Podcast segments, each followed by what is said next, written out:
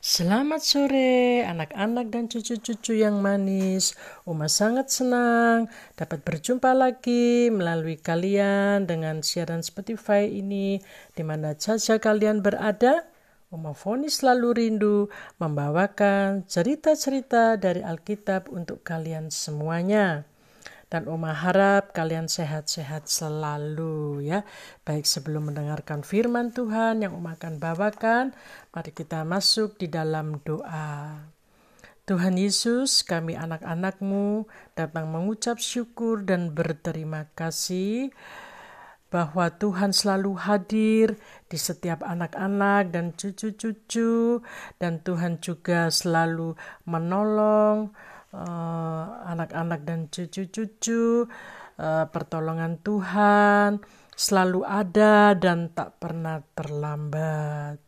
Engkau juga sudah memberkati anak-anak dan cucu-cucu di dalam tiap-tiap hari dengan pelajaran-pelajaran uh, mereka masing-masing di sekolah. Kiranya Tuhan selalu menolong, memberi kepandaian, sehingga mereka tidak malas belajar, melainkan mereka memiliki semangat untuk belajar. Terima kasih Tuhan Yesus. Uh, juga sudah memberi kesehatan sehingga kami dapat bersuka cita selalu.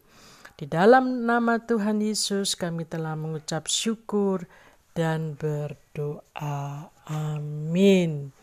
Ya, kali ini Oma akan menceritakan tentang Nabi Nahum ya. Nabi Nahum ini dia berasal dari kota Elkos ya Uh, oleh sebab itu ia disebut orang Elkos ya. Jadi Nabi Nahum ini dipakai Tuhan sebagai seorang penglihatan mengenai ucapan ilahi tentang Niniwe ya.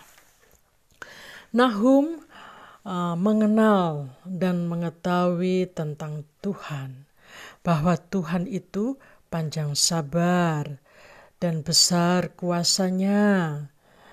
Tetapi ia tidak sekali-kali membebaskan dari hukuman orang yang bersalah. Tuhan berjalan dalam puing beliung dan badai dan awan adalah debu kakinya. Wow, sungguh luar biasa ya. Uh, Allah kita ya, anak-anak dan cucu-cucu bahwa Tuhan juga sebagai tempat pengungsian pada waktu kesusahan. Ia mengenal orang-orang yang berlindung kepadanya. Jadi, bila anak-anak dan cucu-cucu setia dan mau datang selalu kepada Tuhan di dalam doa-doa yang kalian katakan, contohnya, Tuhan, Berikan aku kekuatan, uh, kesehatan, dan juga kepandaian, supaya aku juga dapat berguna dan mampu menolong orang lain atau menolong sesama. Bisa juga apa ya anak-anak dan cucu. Uh, misalkan dalam kesusahan, nah Tuhan, tolong aku. Aku lagi susah untuk belajar dengan baik. Uh, kiranya Tuhan beri supaya aku uh, semangat, tidak malas dalam belajar, agar menjadi anak yang pandai dan berbakti kepada orang tua serta mengasihi Tuhan. Ah, Lalu apalagi ya anak-anak dan cucu. Nah ini Tuhan uh, tolong orang-orang yang miskin yang hari ini mereka belum makan dan masih banyak lagi ya anak-anak dan cucu-cucu ya. Baik mungkin ada yang sakit ya. Uh, lalu mendapat celaka ya. Ya ini peristiwa ini atau kejadian di sekitar anak-anak dan cucu-cucu itu oh banyak sekali ya. Oleh sebab itu uh, kalian selalu bawa di dalam doa setiap peristiwa-peristiwa peristiwa yang kalian tahu ya baik yang menyenangkan maupun yang tidak menyenangkan ya. Uh, kadang membuat hati itu gelisah ya. Kadang ada rasa takut ya.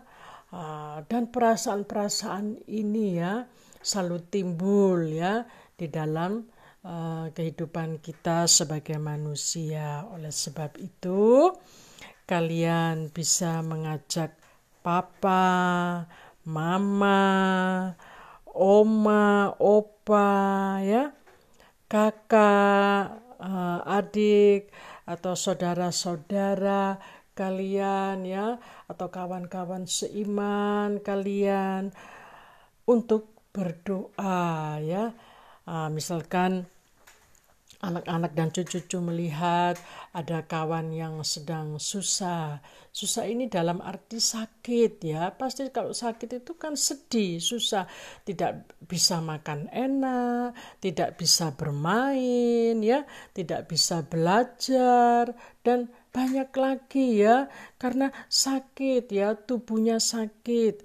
Uh, ini perlu kalian uh, doakan Uh, lalu kalau yang berulang tahun, ini pun juga kalian doakan karena yang berulang tahun itu mereka bersuka cita. Sebab apa? Sebab Tuhan menambahkan atau mengaruniakan satu umur lagi untuknya ya. Uh, jadi pemeliharaan Tuhan boleh dirasakan untuknya. Ini kalian juga uh, berdoa ya bersama-sama yang berulang tahun ya. Uh, tidak jauh-jauh misalkan papa mama yang berulang tahun atau kakak yang berulang tahun atau opa oma nenek kakek ya atau serta saudara-saudara kalian yang berulang tahun kalian belajar mendoakan ya. Nah, Begitupun apalagi ya anak-anak dan cucu-cucu uh, misalkan kalian mau bepergian ya atau rencana mau berpergian uh, mungkin dua hari lagi atau seminggu lagi itu harus didoakan sebelumnya. Supaya Tuhan ikut campur tangan dan menyertai kalian. Supaya kalian pergi dan pulang dengan tidak kekurangan satu apa pun ya. Kalian bisa juga meminta dari Tuhan ya untuk mengutus uh, supaya Tuhan mengutus malaikatnya ya para malaikatnya untuk menjaga kalian uh, di mana saja kalian berada misalnya kalau kalian pergi uh, ya ke mana tujuan kalian ya uh, berpiknik atau belajar atau sendirian di rumah, kalian bisa minta dengan Tuhan.